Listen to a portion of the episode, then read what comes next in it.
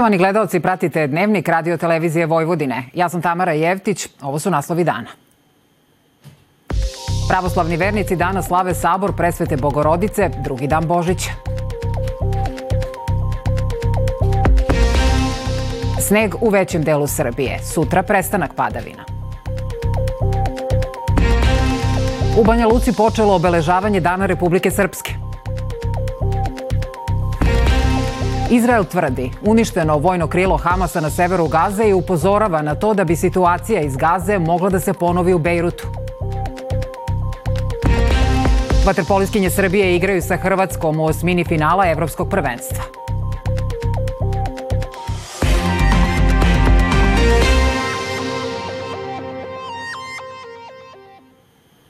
Pravoslavni vernici danas slave sabor presvete Bogorodice, drugi dan Božića. Vernici dan nakon rođenja Isusa Hrista saborovanjem odaju zahvalnost Bogorodici što je rodila spasitelja ljudskog roda. U hramovima i crkvama širom zemlje ujutru su služene praznične liturgije. Praznik se naziva saborom presvete Bogorodice jer se tog dana sabiraju svi vernici da proslave Bogorodicu.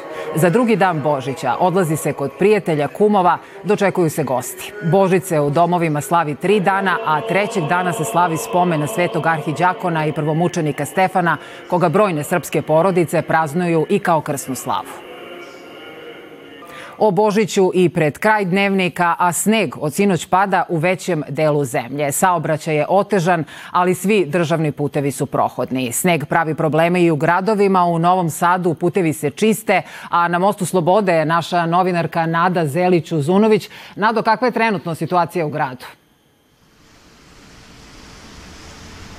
Situacija u gradu je stabilna, sve ulice su prohodne, saobraćaj se odvija normalno, kako je na izlazima iz grada, to pitamo Gojka Jetinskog iz javno-komunalnog preduzeća Put. Hvala vam što govorite e, za naš dnevnik. Evo, vidimo, e, ulice u gradu su prohodne. Danas je sneg napravio problem na Iriškom vencu. Da li je sad tamo prohodno? Pa što se tiče teritorije koje održava naše preduzeće, javno komunalno preduzeće, put nismo imali nikakve ovaj, problema, niti zastoj, niti prekida u saobraćaju. Jeste da je bilo na Iriškom vencu problema to kolege iz Bačka puta rade, ali to je problem najvjerojatnije koliko sam ja shvatio od kolega, e, kamioni koji su zakrčali saobraćaj i iz tog razloga se stvorile i te guže i, kratki prekidi, ali to nije do nas, naše je bilo da radimo grad koje smo, eto, na svu sreću uspeli da odradimo i prilaze našem gradu, to je teritorija grada Novog Sada koje naše preduzeće održava, e, nastavljamo tokom noći isto ovaj, sa tim radovima, sneg i dalje nešto malo sitnije pada, on će tokom noći najrovatnije istim ovim intenzitetom padati, tako da će naše ekipe najrovatnije do jutra morati jedno, dva puta još da sole, a u jutranjim satima se očeka niži mraz, tako da ovaj, upozoravam vozače zaista oprezno u vožnju, e, držanje rastojanja i prilagoditi uslovima puta svoje vozilo. Kad su ekipe na terenu i da li ih ima dovoljno? Pa naše ekipe su izašle sinoć odmah posle ponoći, tamo negde oko dva sata, sve ekipe su izašle već napred na teren. Još nismo stali, znači vratimo se u firmu, tovori se sor, ponovo se izlazi napad, zašto smo radili i prvi i drugi prioritet i nadam se da smo uspeli sve da odradimo. Hvala vam najlepše Gojko. Evo, kao što smo i čuli, u Novom Sadu stabilno, nema problema na putevima, tako i u ostatku Vojvodine, a kako je u Srbiji i u ostalom delu zemlje, to pogledamo u priči Katarine Mišića dok su jedni neradni ponedeljak iskoristili za sankanje i šetnju u prirodi, onima kojima je dan počeo za volanom, snežne padavine i klizav kolovoz značajno su otežali vožnju. Ekipe zimskih službi na terenu su od ranih jutarnjih časova. Svi državni putevi su prohodni, a na više putnih pravaca na snazi je zabrana teretnog saobraćaja. Zabelili su se krovovi u većem delu Srbije, a najviše snega palo je na Zlatiboru. Mi smo posuli tokom noći 320 tona soli preventivno, upravo zato da se ne bi zbog, zbog stvorila, stvorio led, što je veoma važno, neki put je to i opasnije nego sneg. A, ukupno su kupili ove godine 87.200 tona, potrošili smo već 13.000 tona, imamo 84.200 tona na zalihama i kao što vidite, apsolutno smo spremni. Već u 7 časova zabeležena je prva saobraćajna nezgoda sa poginulim licima. Zbog otežanog saobraćaja život su izgubile najmanje tri osobe. Situaciju dodatno otežavaju padavine, jak vetar i slaba vidljivost, pa u saobraćajnoj policiji apeluju na građane da vožnju prilagode zimskim uslovima na putu.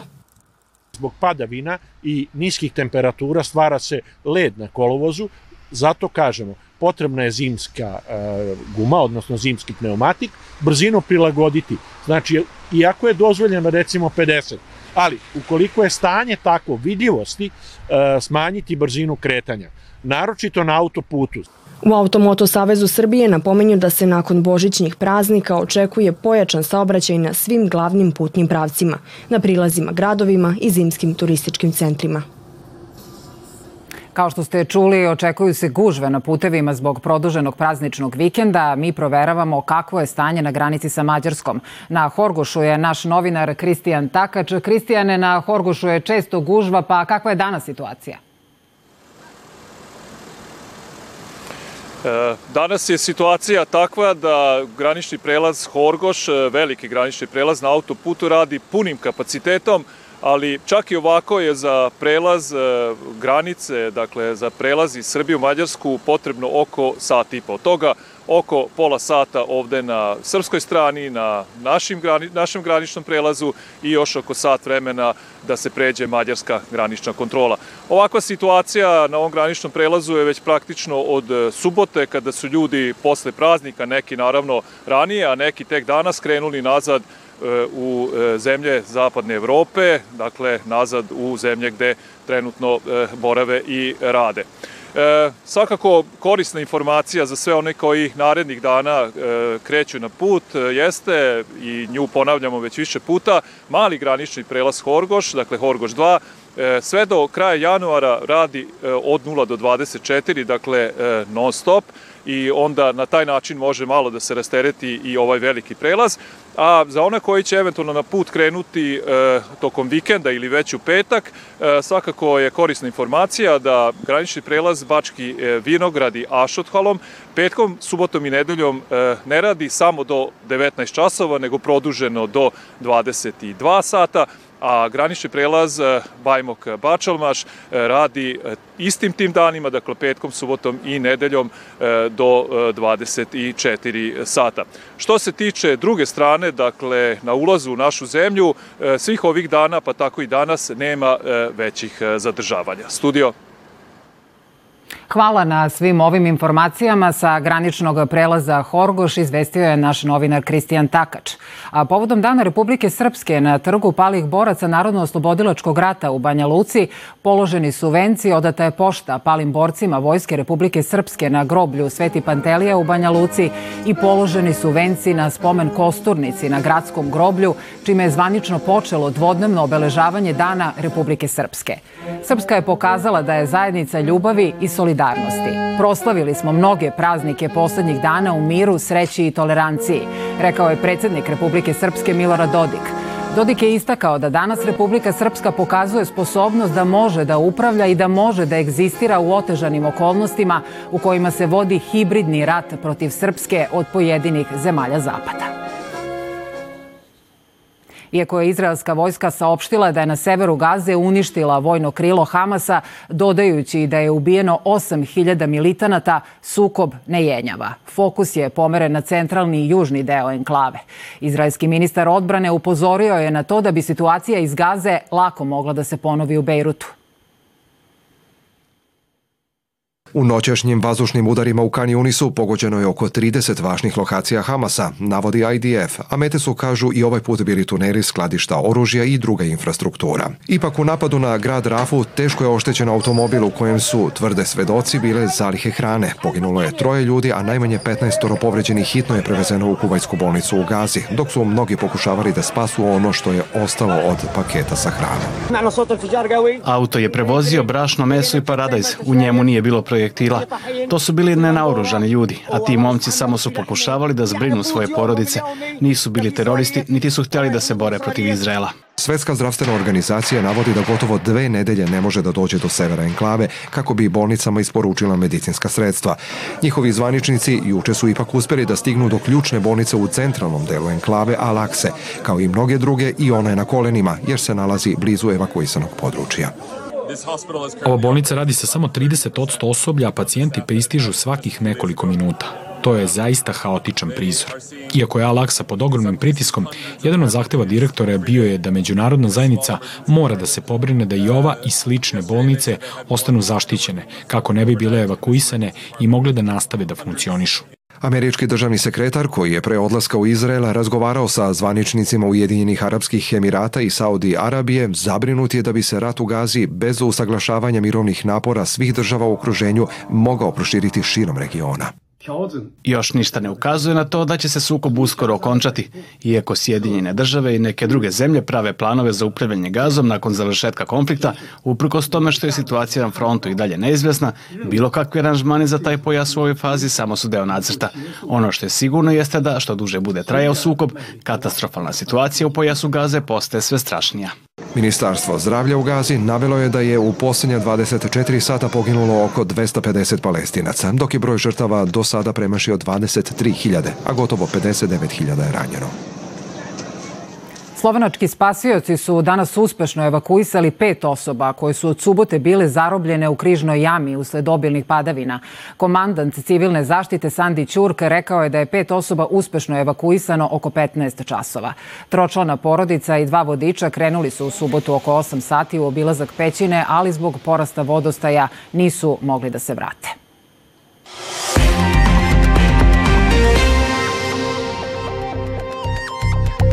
Predsjednik Srbije Aleksandar Vučić izjavio je da je imao odlične razgovore sa stručnim timovima za Expo 2027, kao i kako je istakao važan razgovor sa ambasadorom Kine Li Mingom. Vučić je uz fotografiju iz dvorišta porodične kuće objavljenu na Instagram profilu Budućnost Srbije naveo je da je sa Li Mingom razgovarao o budućnosti srpsko-kineskih odnosa. U narednih 5-6 godina radit će se na unapređenju celokupne mreže srpskih železnica, izgradnji novih i rekonstrukciji postojećih pruga. Izjavio je generalni direktor infrastrukture železnice Srbije Nebojša Šurlan. Jedan od kapitalnih projekata biće pruga Beograd-Niš koja će se raditi u tri faze, a za taj posao su obezbeđena sredstva od Evropske centralne banke u iznosu od 2,75 milijardi evra. Trenutno je najveći posao izgradnja brze pruge Novi Sad-Subotica, a prema rečima Šurlan aktualna, ta deonica biće završena do kraja godine.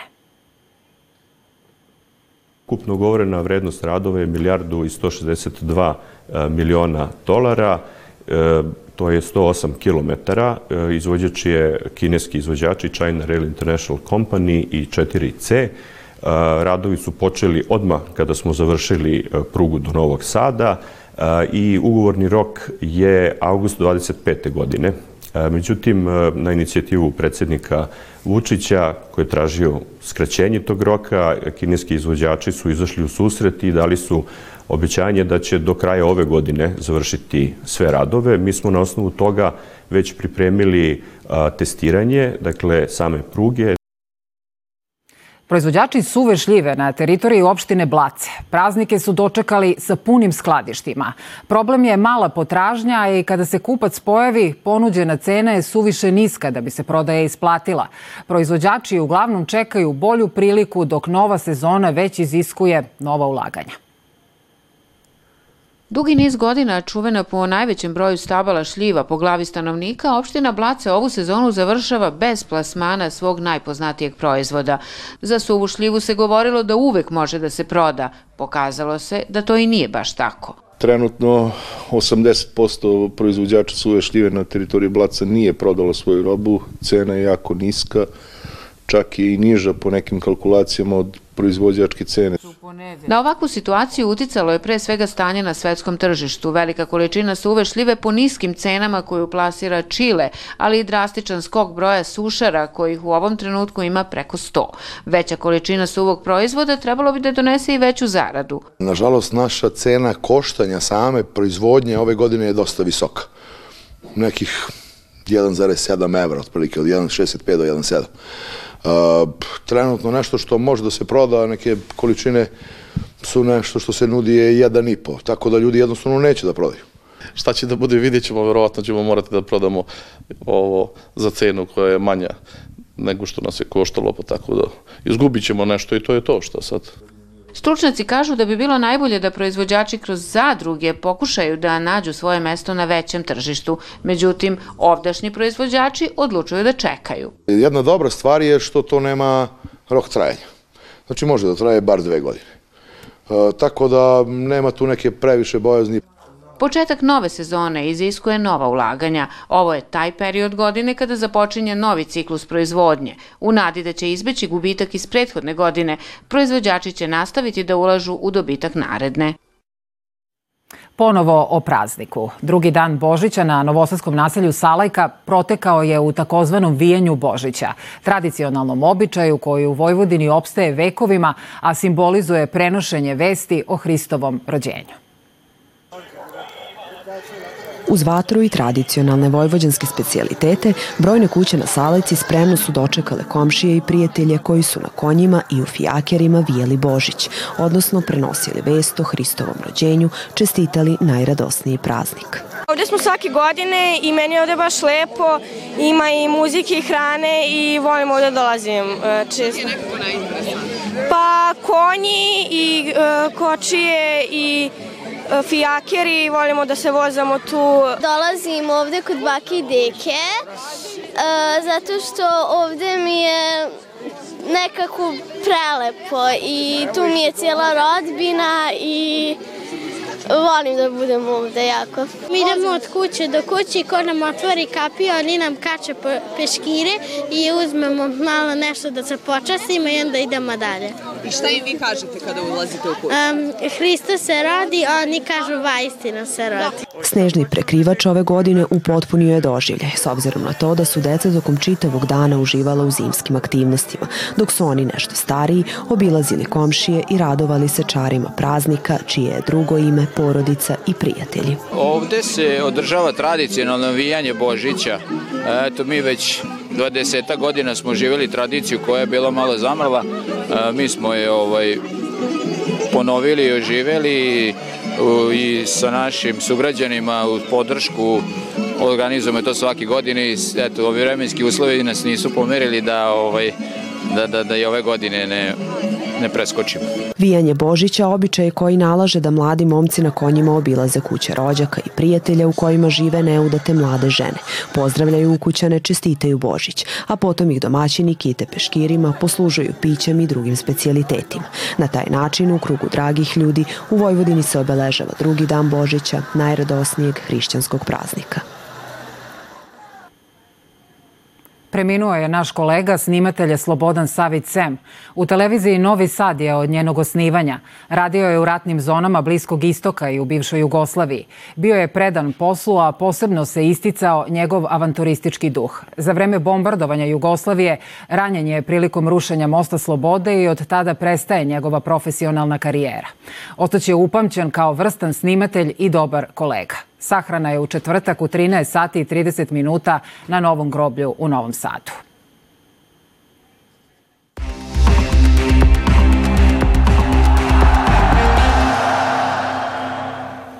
Rade vaterpoliskinje Srbije ostavile dobar utisak na evropskom prvenstvu. Tamara, malo je nedostalo da naprave najbolji rezultat u istoriji. Naše vaterpoliskinje poražene su od Hrvatski 11-8 u osmini finala Evropskog prvenstva u Holandiji.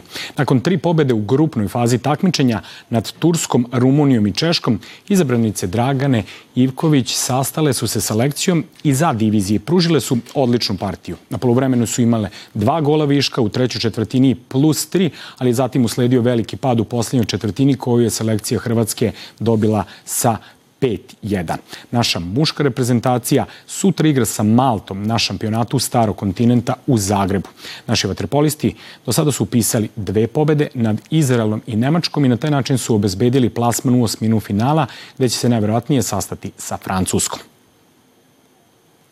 Na teniskom turniru serije 250 u Adelaidu Miumir Kecmanović pobedio je Amerikanca Mackenzie McDonalda u dva seta, 6-4 6-2, dok je Dušan Lajović na istom turniru savladao Australijanca Tanasija Kokinakisa u tri seta. 3-6, 6-1 i 6-4. A u NBA ligi Denver je nastavio sa pobedama, ali ovoga puta Nikola Jokić nije bio u glavnoj ulozi. U duelu sa najslabijim timom lige Detroitom ekipa iz Kolorada slavila je 131-114 uz samo 4 pojena Jokića, ali i 16 asistencija i 5 blokada. Najzaslužniji za triumf Nagica bio je Jamal Murray sa 33 pojena. Denver je trenutno drugi u zapadnoj konferenciji sa učinkom 26 pobeda i 12 poraza.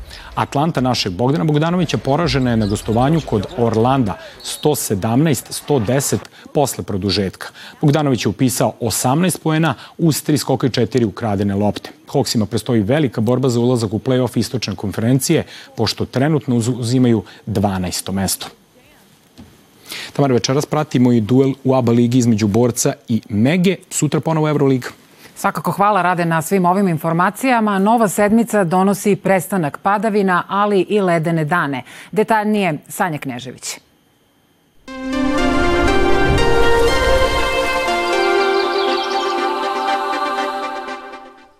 Danas je cela Srbija zabelela. Utorak ostaje hladno u slab sneg koji postepeno prestaje tokom dana. Duvaće slab vetar promenjivog pravca. Jutarnja temperatura od minus 5. podeljka do minus 2, a dnevna do 1 stepen. Uveče suvo i hladno. U sredu ujutru mraz. Popodne sunčani periodi uz porast dnevne temperature. U četvrtak slično vreme. Ostaje suvo i hladno uz sunčane intervale. Od 12. januara promenjivo u slab sneg. Podacima o vremenu završavamo Dnevnik RTV-a. Vama hvala na pažnji i doviđenja.